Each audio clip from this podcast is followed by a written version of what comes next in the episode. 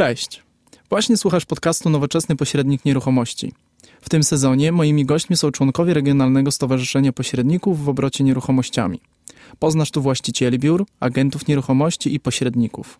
Dowiesz się o ich pracy, życiu prywatnym, pasjach, a na koniec ja odpowiem na jedno nurtujące pytanie mojego gościa. Nazywam się Marek Kloc i zapraszam Cię do wysłuchania tego podcastu. Cześć, witajcie w kolejnym odcinku Rozmów z Agentem. Dziś moim gościem jest Karolina Lato Książek. Karolina jest pośrednikiem w obrocie nieruchomościami, prowadzi własne biuro nieruchomości. Kapital Finanse Nieruchomości. Dokładnie. oraz jest członkiem Stowarzyszenia Pośredników w obrocie nieruchomościami w Lublinie. Cześć Karolina. Cześć, witajcie. Cześć. Karolina, y, powiedz na początek, jak u Ciebie zaczęła się przygoda z nieruchomościami? Kiedy y, ta przygoda też się zaczęła? Y, tak naprawdę mm, zaczynałam pracę mm, 9, 10-9 lat temu na, otworzyłam własną działalność z moim wspólnikiem, otworzyliśmy biuro kredytowe. I tak naprawdę od tego się zaczęło. Mhm. Kilka lat później wpadłam na pomysł, żeby rozszerzyć działalność nieruchomości. W tym celu skończyłam m.in. studia z wyceny nieruchomości, żeby poszerzyć swoją wiedzę i takiej, takiej, dużo takiej większej wiedzy nabrać niż tylko ta, którą mogłam zdobyć w pracy.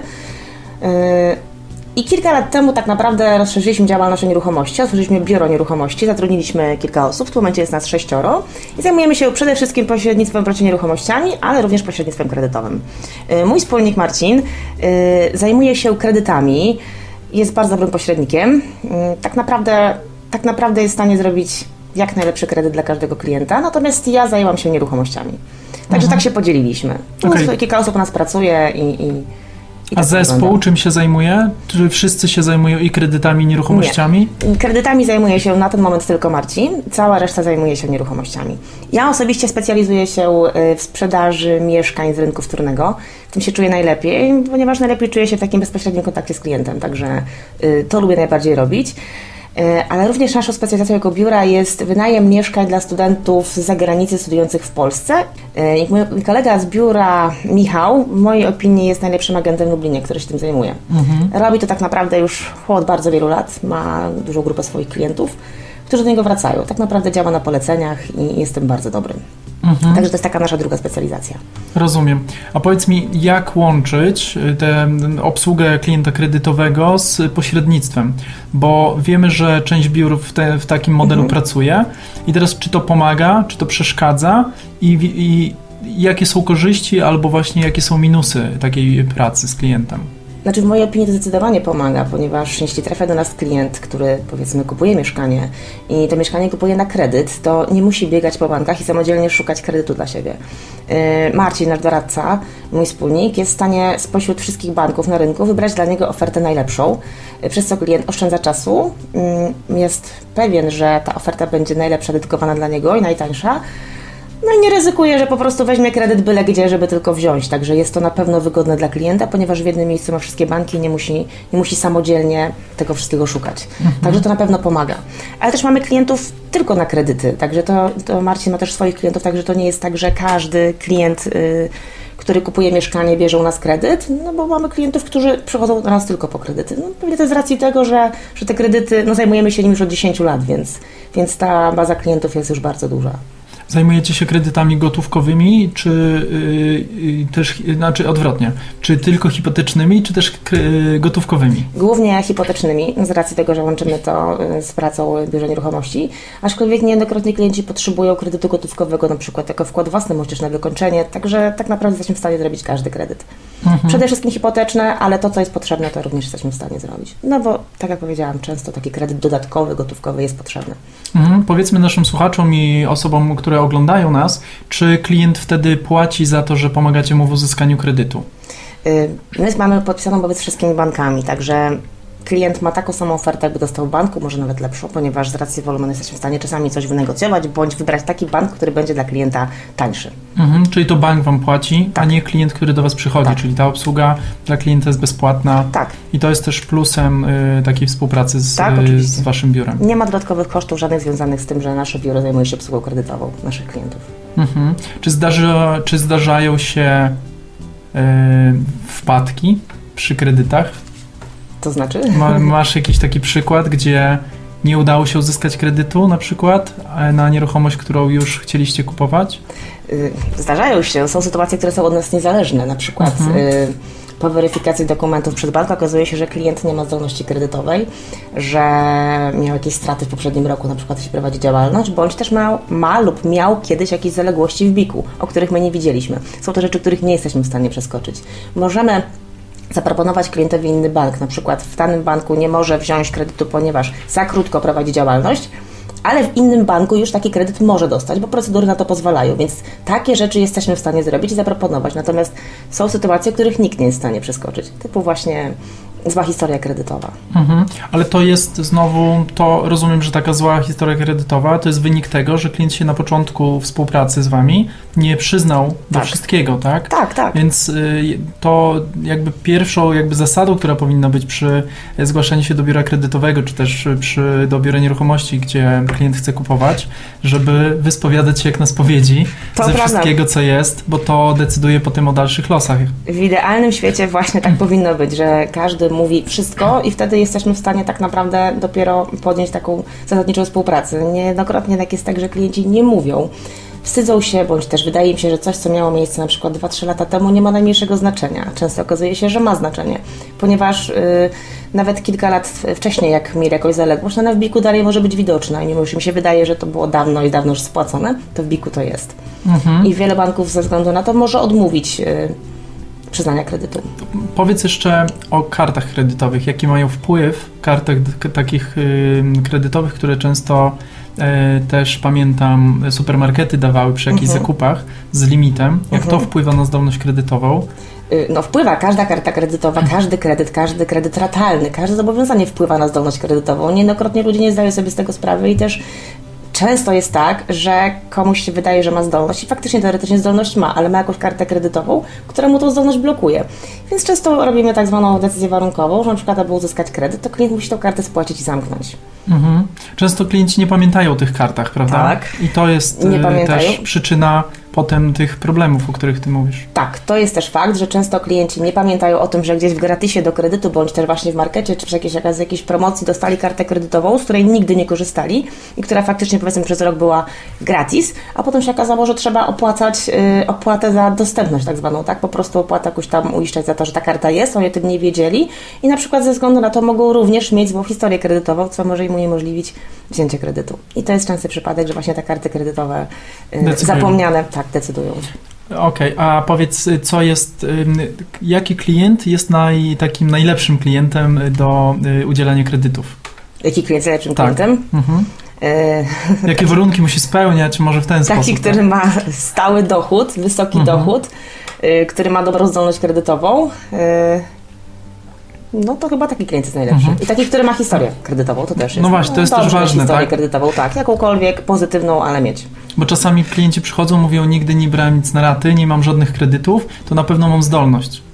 E, Zdolność- Nie do końca tak jest. Znaczy prawda? zdolność y, ma, tylko że y, już ta punktacja taka wewnętrzna w banku może być niższa, ze względu na to, że klient, który nigdy nie brał kredytu, y, jest klientem czystym dla banku i bank nie jest w stanie y, sprawdzić, czy on spłacał, tak, czy on kiedyś, czy on mm, spłaca kredyt. I co tak, wtedy jeśli ktoś- zrobić? Czasami warto na przykład kupić coś na raty I je spłacić. i je spłacić, tak, Mhm. spłacić kilka rat na przykład i wtedy już się ma tą historię kredytową i ta punktacja już się zmienia. Także y, takie sytuacje też mają miejsce. To wszystko zależy od banku, od podejścia banku. Każdy bank ma swoją politykę, y, także bardzo dużo od tego zależy. Okej. Ym, Karolina, powiedz mi, wróćmy może trochę bardziej do nieruchomości niż do Mhm. kredytów, chociaż one, tak jak y, rozmawiamy, też one są bardzo znaczące w całym procesie zakupowym, ale y, jeśli mamy rozmawiać o pośrednictwie, to według Ciebie ilość ofert czy jakość ofert ma znaczenie i dlaczego? My przede wszystkim stawiamy na jakość ofert. Y, Dla mnie dopuszczalna jest sytuacja, że mamy bardzo, bardzo dużo ofert i ktoś dzwoni, jakiś klient dzwoni do nas, a któryś z agentów nie zna szczegółów oferty swojej, bo ma ich za dużo. Także zdecydowanie jestem przeciwnikiem czegoś takiego i pilnuję bardzo, uczulam mm, wszystkich u nas w biurze, że każdy musi mieć pełną wiedzę na temat oferty. Staramy się pracować na wyłącznościach. Uważam, że wyłączności ym, są bardzo korzystne również dla klienta. Y, Dają dużo więcej możliwości agentowi, y, jeśli chodzi o zaprezentowanie oferty i sprzedaż jej.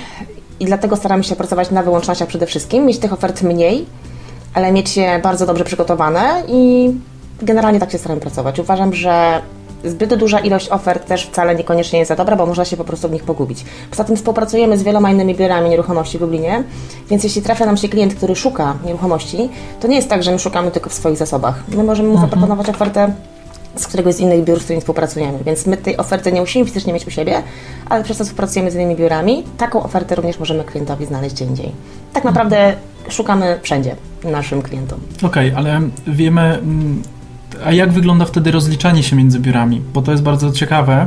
E, może o tym powiedz, czy od strony klienta często jest tak, że myśli sobie, że e, nie szukamy w innych biurach, no bo nam się to nie opłaca, że próbujemy mhm. zarobić tylko na nim i, i no, w jaki sposób y, pokazując mu ofertę innego biura, my mamy z tego korzyść. Jakbyś mogła tu wytłumaczyć? My mamy swoje y, sposoby rozliczania się z innymi biurami y, i działa to bardzo dobrze. Natomiast każdy z moich klientów, który popytowy, tak zwany klient, który szuka mieszkania, trafia do mnie, tego już podczas pierwszej rozmowy informuje, w jaki sposób będę mu szukała mieszkania. I on dobrze wie, że będę mu szukała również w innych agencjach i wszędzie ci się tylko da. Mhm. I wynagrodzenie wtedy płaci Ci ten klient popytowy? Czy rozliczacie jestem się z biurem nieruchomości, za... który ma ofertę? Ja jestem zwolenniczką tego, żeby klient, która, dla, dla którego wykonuję usługę, płacił mi wynagrodzenie. Aczkolwiek mm, istnieją różne rozwiązania, także mhm. myślę, że. Czyli też jesteście elastyczni? Jesteśmy elastyczni i są sytuacje, w których może się dogadać, troszeczkę zmienić zasady takie standardowe, byle klient był zadowolony. Generalnie jestem zwolennikiem tego, żeby klient, dla którego wykonuję usługę, płacił wynagrodzenie mhm. pośrednikowi. Jasne. Powiedz mi jeszcze, wracając do tej ilości ofert, i e, mówisz o tym, że pracujecie, staracie się pracować na wyłącznościach, tak. co jest dla mnie bardzo zrozumiałe, ale Twoim takim idealną ilością ofert, która, którą agent jest w stanie technicznie obsłużyć dobrze, mhm. to jest na jakim poziomie? Wiesz, trudno powiedzieć. E, byliśmy na wielu szkoleniach i co my tkwiły z jednego ze szkoleń odnośnie wyłączności, no to agentka mówiła, że ona pracuje na około 8 ofertach. Maksymalnie, więcej nie potrzeba, bo, bo jest to ilość, którą jest w stanie dobrze obsłużyć. Y, więcej ofert na wyłącznościach już może stanowić problem, jeśli chodzi o czas i dobre obsłużenie tego. Mhm. Wydaje mi się, że to jest dosyć dobra liczba. Y, natomiast jak praktyka kwestia, wygląda. Jak praktyka wygląda. Staramy się mieć tych ofert na wyłączność jak najwięcej, ale wygląda to różnie, tak? Tym bardziej, że y, mamy dosyć wysoką skuteczność, więc często jest tak, że przyjmujemy ofertę na wyłączność i to bardzo szybko sprzedaje. Więc zdarza się tak, że po prostu mamy te oferty i nagle sprzedamy jedną, drugą, trzecią, czwartą i zostaje kilka. Mhm. Y, mam na myśli łagenta, tak? Jednego. no właśnie, wspomniałaś też o skuteczności. Mhm. Jakbyś miała porównywać skuteczność przy pracy na umowach otwartych czy zwykłych, y, a umowach na wyłączność, jak to mniej więcej się kształtuje? Y, nie powiem Ci procentowo, ale powiem Ci na przykładzie. Mhm. Mieliśmy mieszkanie było mieszkanie na LSM-ach, moim zdaniem bardzo atrakcyjne i dla rodziny, ale również inwestycyjnie. I to mieszkanie było w trzech biurach, było na umowach otwartych, było kilka miesięcy na rynku, prawie pół roku, nie sprzedawało się. Trafił do mnie właściciel tego mieszkania, żeby mu pomóc. Znalazł gdzieś na Facebooku, że się zajmuje nieruchomościami, znaleźliśmy się z szkoły podstawowej, mówi pomóż, bo nic się nie dzieje. Yy, okazało się, jak zbadaliśmy wszystko, okazało się, że po pierwsze w każdym biurze były różnice odnośnie oferty. Na przykład w jednym było na pierwszym piętrze, w drugim na drugim, różnica odnośnie metrażu. W jednym biurze to było spółdzielcze własnościowe mieszkanie, w drugim pełna własność. No i to nie najlepiej rzutuje. Jeśli klient szuka w internecie mieszkania i znajduje trzy oferty tego samego mhm. mieszkania i każda różni się opisem, to też już nie za dobrze. Już może myśleć, coś jest z tym mieszkaniem nie tak. Po drugie, na umowach otwartych, w przypadku przynajmniej tego mieszkania, nikt nie, mówił, nie pisał nic o lokalizacji. Lokalizacja była największym atutem tego mieszkania. To mieszkanie było położone bardzo blisko Politechniki, w bardzo fajnym miejscu, bardzo fajne mieszkanie, super blok, świetna okolica. A było napisane tylko LSM. Zdjęcie zrobione tak, żeby nie było widać okolicy. No jest to zrozumiałe, tak? Mhm. w przypadku umów y, otwartych. A LSM to może być również daleko, daleko za Leclerciem. I mhm. to mieszkanie się nie sprzedawało wypowiedział właściciel umowy wszystkim tym trzem biurom. My to przejęliśmy do siebie na wyłączność, zrobiliśmy nowe zdjęcia, nową ofertę. Wskazaliśmy lokalizację, całkowicie inaczej opracowaliśmy ofertę, wskazując przede wszystkim na lokalizację, która jest naprawdę największym atutem tej nieruchomości i sprzedało się bardzo szybko. Mhm. Także to jest taki przykład, że w przypadku wyłączności jednak mamy mm, jako biuro dużo więcej możliwości, dużo większe pole do popisu. Jesteśmy w stanie zareklamować y, w różny sposób, y, no i ta skorość jest dużo większa. Mhm. No nie ukrywam. I też tą ofertę, jeżeli y, macie już u siebie na mhm. wyłączność, to rozumiem, że też udostępniacie innym biurom, tak. czyli jeśli inne biuro ma klienta, to też może go przyprowadzić Tak, oczywiście, i, i tą ofertę tak. mu sprzedacie, prawda? Tak, mieliśmy takie transakcje wiązane, nie jedną transakcję Mhm. wiązaną, nasza oferta na wyłączność, klient kupujący z innego biura, jak najbardziej współpracujemy. Wrzucamy na grupy, y, na naszą wewnętrzną grupę y, współpracujących pośredników w obrocie nieruchomościami i jak najbardziej taka współpraca tutaj y, wchodzi w grę. Jesteśmy otwarci bardzo na współpracę. Okej, to jest bardzo dużo, dużym atutem, że właśnie pośrednicy ze sobą współpracują, bo zapewne też spotkałaś się z klientami, jak mówisz o tym, że współpracujesz, to jest zdziwienie jak Tak. to, bo przecież powinniście konkurować ze sobą. Tak, tak. A jednak my w branży, tak, i przynajmniej w, Lublinie staramy się na tyle ze sobą mocno współpracować, żeby być jak najbardziej skutecznym. Tak, y, jeśli mogę wtrącić, to uważam, że zamykanie się na inne biura i brak współpracy z innymi biurami jest działaniem poniekąd na szkodę klienta. Ponieważ jeśli ktoś się do mnie zwróci z innego biura, że ma klienta na mieszkanie, które ja mam, a ja powiem mu, że sorry, nie współpracuję, no to działa na szkodę klienta, bo- ja mogę mu to mieszkanie sprzedać już. Mhm. Więc absolutnie takie rzeczy nie wchodzą w grę u nas. Współpracujemy jak najbardziej. Karolina, a gdybyś miała powiedzieć mi e, mit, który e, słyszysz bardzo często o pośrednikach, to co by to było? Że przecież nic nie zrobił. Za co ja mam mu płacić? nie wiem, trochę mnie ty tutaj zaskoczyłeś, ale często klienci nie zdają sobie sprawy, jak dużo pracy musimy jako pośrednik wykonać w całym procesie sprzedaży nieruchomości. Czasami zaczyna się od przekonania klienta do sprzedaży mieszkania, od y, zweryfikowania ceny, od uświadomienia mu, ile to mieszkanie faktycznie może być warte, jak musimy sprzedawać, kto mógłby je kupić, poprzez przygotowanie nieruchomości nawet najpierw do zdjęć, potem do, do wprowadzenia oferty. Czasami y, to nie wystarczy po prostu posprzątać, czasami trzeba również inne rzeczy zrobić w tym mieszkaniu, żeby ono, żeby ono wyglądało lepiej, żeby ono mogło, y, żeby miało większą szansę na sprzedaż. Zweryfikowanie wszelkich dokumentów, sprawdzanie stanu prawnego to jest bardzo istotne i my bierzemy na siebie całą odpowiedzialność związaną z tym procesem. Y, Wszystko musi być pewne, sprawdzone. No poprzez zrobienie zdjęć, prowadzenie oferty, jeżdżenie na prezentację, to wszystko zajmuje dużo czasu. My też nie tylko, nie, nasza rola nie kończy się na prowadzeniu oferty, wrzuceniu jej do internetu, na portale i proszę bardzo, niech się sprzedaje. Nie, my też staramy się sprzedawać innymi kanałami. Między innymi właśnie poprzez jakieś tam grupy wymiany nieruchomości, poprzez y, pośredników z innych biur. Mamy też bazę swoich klientów. Czasami ktoś y, zwraca uwagę, mówi, że szuka czegoś i mamy gdzieś w bazie swoich klientów, którym możemy to mieszkanie również przedstawić, niekoniecznie od razu wrzucając je do internetu. Także to nie jest, to nie jest tylko to. Więc czasem praca, którą musimy wykonać jest naprawdę ogromna. Niejednokrotnie pojawiają się problemy już po tym, jak znajdzie się klient kupujący.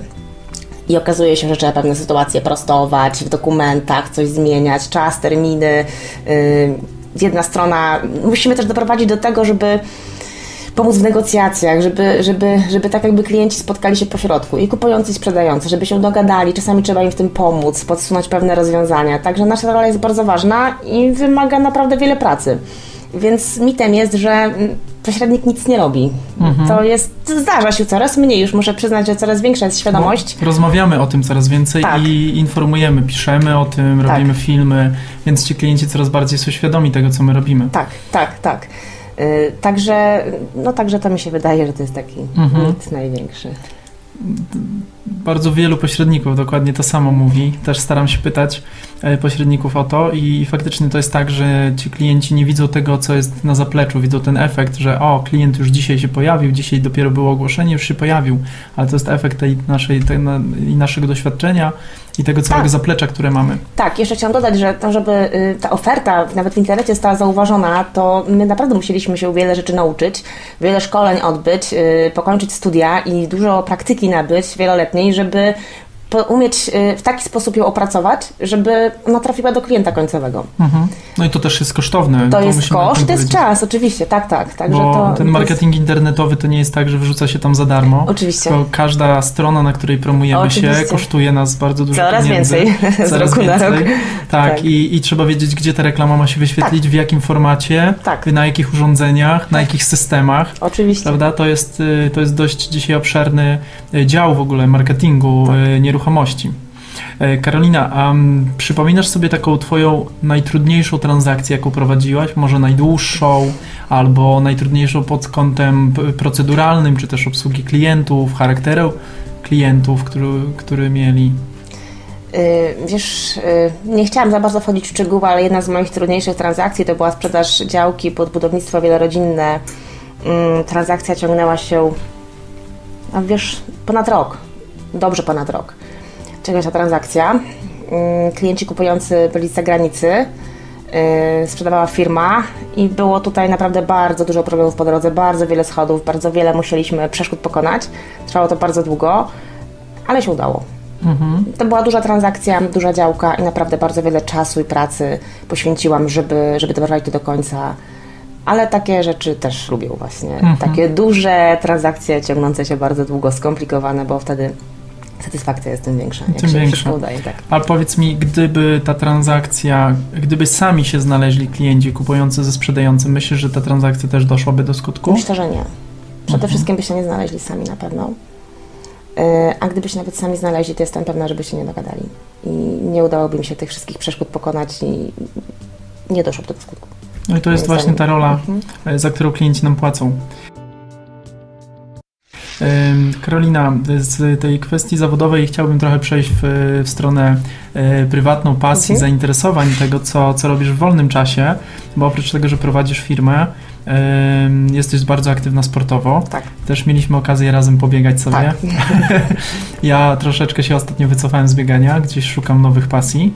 E, natomiast ty zostałaś, tak. bo zaczynaliśmy w bardzo podobnym czasie, tak. prawda? Y, ja pamiętam, jeśli mogę Cię wywieźć słowo, spotkaliśmy się na zawodach, to były moje pierwsze zawody w życiu. Mhm na 10 km w Lublinie 4 lata temu bieg koziołka. Tak. I to było, nie wiem czy twoje, nie pamiętam, czy to były nie, twoje ja pierwsze, ale piątki biegałem wcześniej. To były moje pierwsze zawody w ogóle wtedy. Mhm. pamiętam to spotkanie, tylko mi bardzo w pamięci. Yy, tak było faktycznie 4 lata temu. No właśnie i teraz ty pociągnęłaś ten temat. Tak.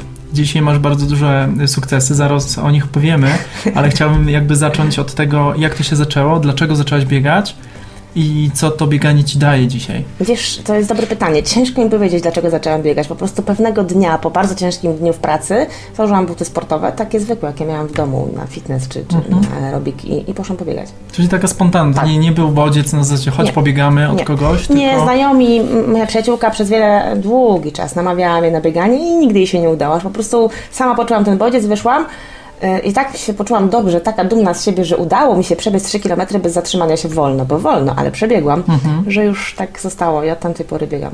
Okay. Z drobnymi przerwami na kontuzję, ale, ale biegam. Biegasz bardzo intensywnie, bo ja obserwuję, że co tydzień co miesiąc, wszystkie zawody, które się odbywają gdzieś w Lublinie, ty tam jesteś. Raczej tak. Y, raczej. I teraz y, chciałem zapytać o pierwszy maraton, bo tam piątki, dziesiątki to są wyzwania oczywiście, natomiast ten maraton jest taki dla biegaczy tak, mega jest... ważny. I teraz jak szybko byłaś gotowa na ten maraton? Y, I co się działo w trakcie maratonu? Jak go przeżyłaś? Zaczęłam biegać w kwietniu, a maraton pierwszy pobiegam we wrześniu. Także to była kwestia kilku miesięcy.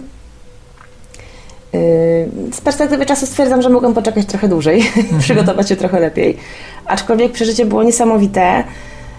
No, ciężko mi do tego wrócić. Pierwszy maraton dla biegacza jest po prostu przeżyciem bardzo, bardzo ważnym. Od samego startu, od przygotowań, od drogi na maraton, od, od czasu przed startem, od, od yy, strefy startowej, od po prostu zaczęcia biegu przez cały ten maraton aż do końca, uczucie na mecie, medal. No niesamowite, naprawdę niesamowite, że się dało radę. Natomiast sam maraton był bardzo ciężki, były momenty naprawdę ciężkie. Fakt, że nie miałam tej tak zwanej przysłowiowej ściany, która często się zdarza około 30 km, że po prostu stajesz i nie możesz biec koniec. Nie było tego, ale było ciężko. Mhm. Co było najtrudniejsze? Głowa? Głowa. Nogi? Głowa. Oczywiście tak gdzieś po 25 km zaczyna wszystko boleć. Nogi, kolana, boli, owszem boli, ale najtrudniejsza jest głowa. Mhm. Najtrudniej jest poradzić sobie, no myślałam o tym, co będę jeść, jak dobiegnę. o tym, że muszę to zrobić, że inni to robią, że przygotowywałam się, miałam, starałam się zająć głowę myślami różnymi. Słuchałam muzyki. Miałam playlistę specjalnie na maraton przygotowaną do biegania. Motywacyjną taką? Tak, tak. I starałam się krok za krokiem, różne. Bardzo różne, naprawdę dziwiłbyś się. różne, różne piosenki na, na maratony. I starałam się krok za krokiem do przodu, do przodu, kilometr za kilometrem.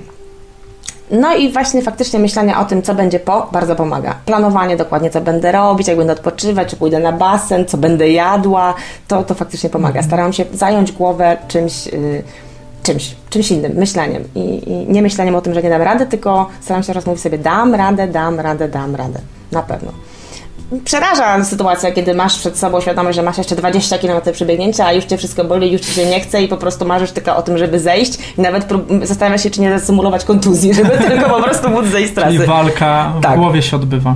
Tak, ale jeśli chodzi o maratony, to wiesz, to jest jeszcze nic. Tak naprawdę ultramaraton dopiero biega się głową. To jest... y, No właśnie, tylko po, po kolei. Ile przebiegłaś maratonów do, do dzisiaj? O, Pamiętasz? 8 może. Mhm. Dobra, i Yy, przyszedł czas około. na ultramaraton. Mhm, tak. I, I co?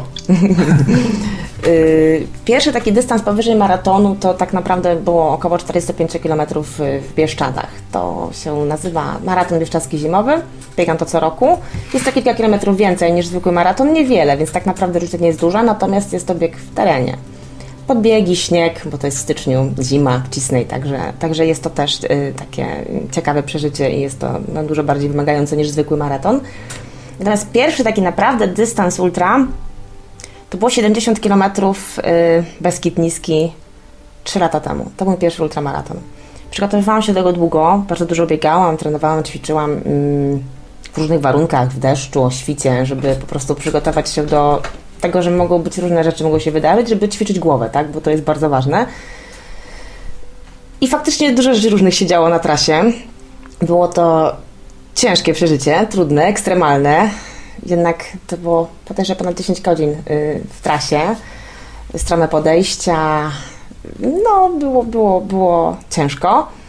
Satysfakcja później ogromna, natomiast na pierwsze dni po tym ultramaratonie to prawie, że przypominało naukę chodzenia. Mimo, że byłam bardzo dobrze wybiegana, przygotowana, no to jednak taki ogromny wysiłek, tyle kilometrów zostawia ślad i trzeba tego troszkę czasu, przynajmniej te kilka dni do tygodnia na to, żeby dojść do siebie. Y, Kolejne wyzwanie, to po drodze jeszcze jakieś tam około 50 km biegałam dystansem. Z mężem sobie y, stwierdziliśmy, że naszym marzeniem jest złamać magiczną granicę 100 km Mhm. I że chcemy przebiec taki ultramaraton. W związku z tym zapisaliśmy się. No właśnie, bo nie, nie powiedzieliśmy, ale ty biegasz z mężem też. Tak, tak, tak, biegam z mężem. Biegam z mężem, trenuję z mężem, tak, i zawody, i, i treningi, i, i także tak. Ale jak zaczynałaś, to jeszcze biegałaś sama. Tak, jak zaczynałam, biegałam sama y, i, męża poznałam właśnie y, przy okazji. Biegając. tak, biegając.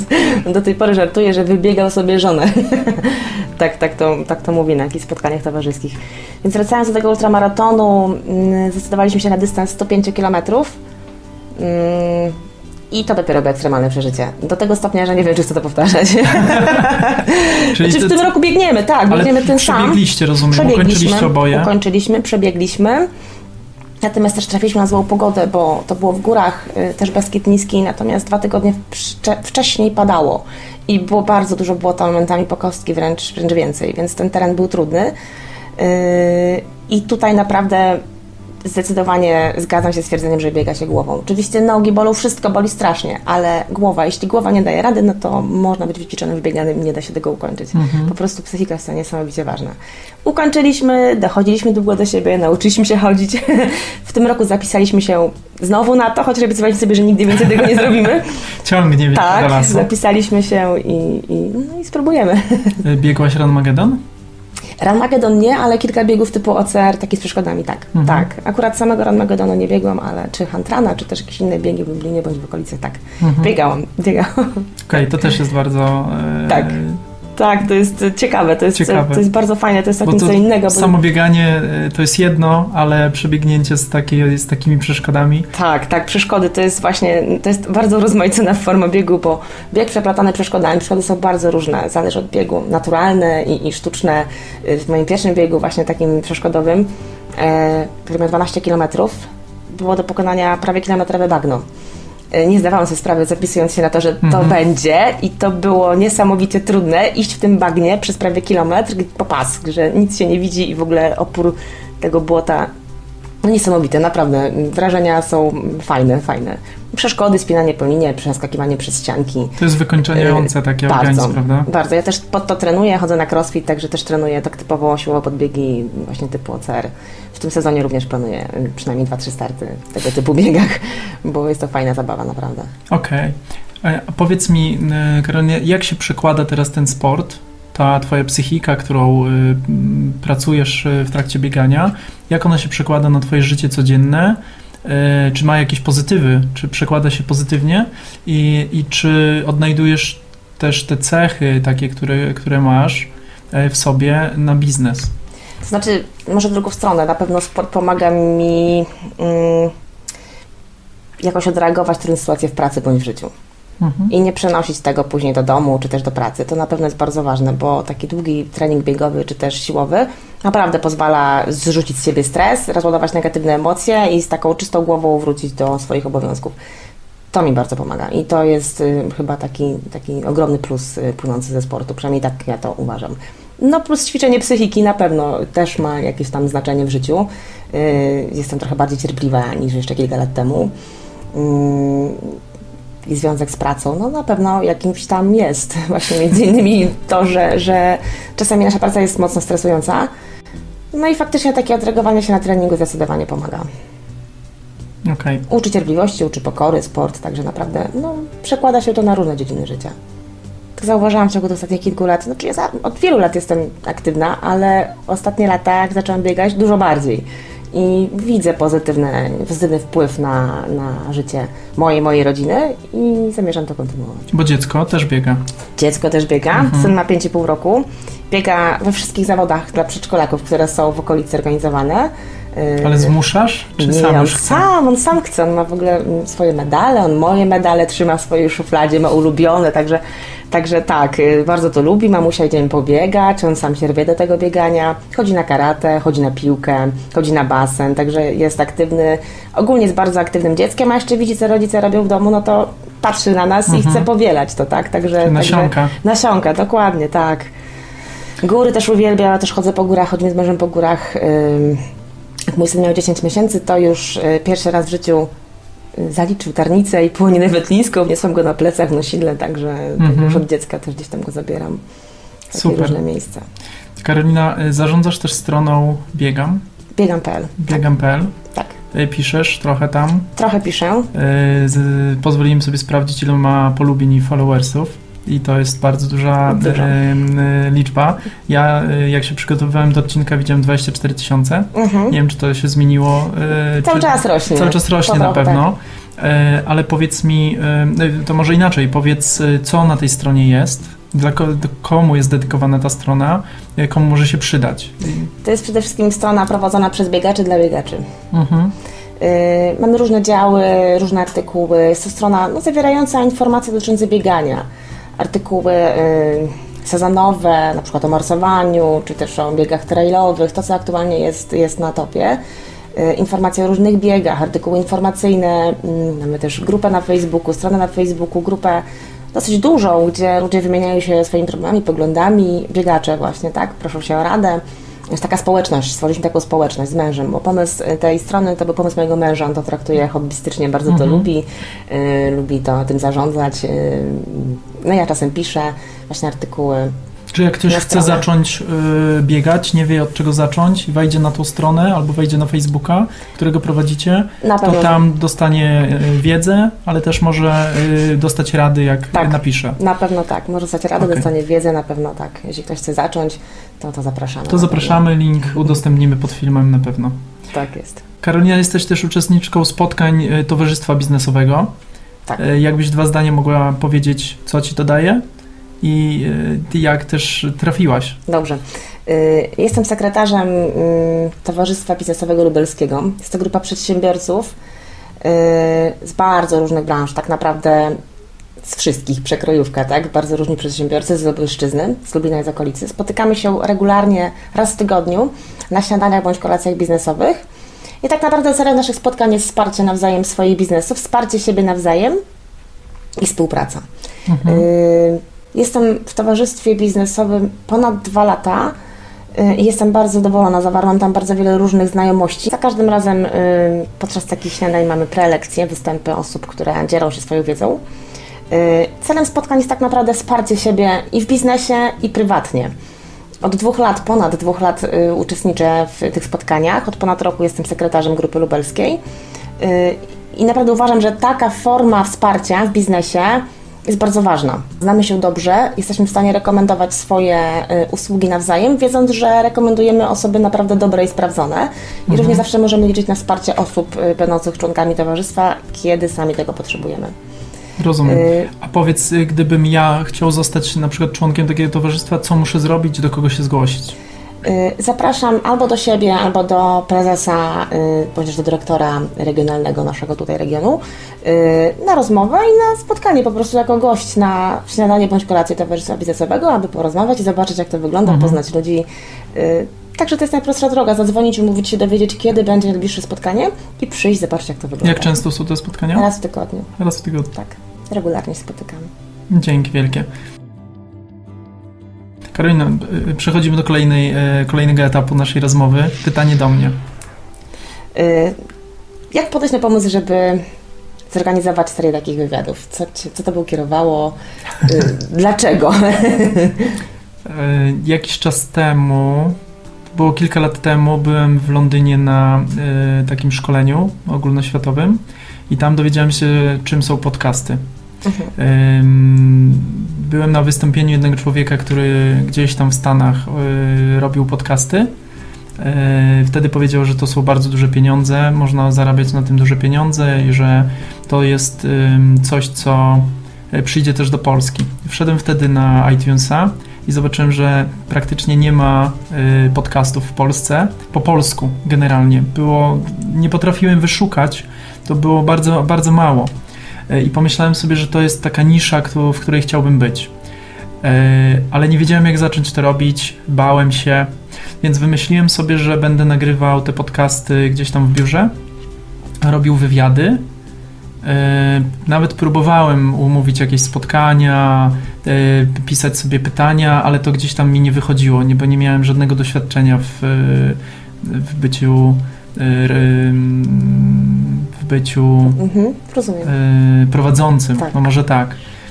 I w momencie, kiedy zacząłem robić YouTube'a, e, wróciło to. Znalazłem taki folder, w którym miałem zapisanych gości, pytania jakieś wstępne i pomyślałem sobie, że to jest chyba dobry czas na to, że jak mam już przed kamerą obycie takie jakieś minimalne, to że może zacznę robić te wywiady.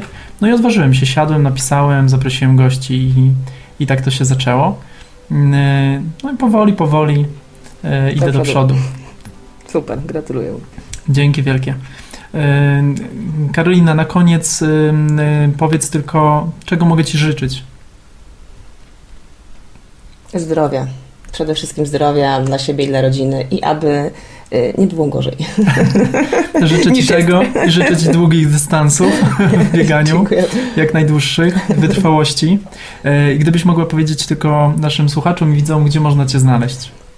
Więc zapraszam e, na naszego Facebooka oraz na naszą stronę internetową www.kapital-nieruchomości.pl pisane przez C capital-nieruchomości.pl E, Zapraszam również na swojego Instagrama mm, pobiegana. Jest to Instagram głównie taki profil sportowy, ale, ale zapraszam. Linki udostępnimy też pod filmem i pod podcastami. Karolina, dziękuję Ci bardzo za to, że chciałaś być moim gościem. Dziękuję, bardzo mi miło. E, Bardzo proszę, mam dla Ciebie też prezent. Dziękuję. Kubek nowoczesnego pośrednika. Mam Dzięki. nadzieję, że będzie w Twoim biurze. Przyda się. Na pewno. Dzięki. Dziękuję bardzo. Do Dzięki zobaczenia. wielkie. Do zobaczenia. Cześć.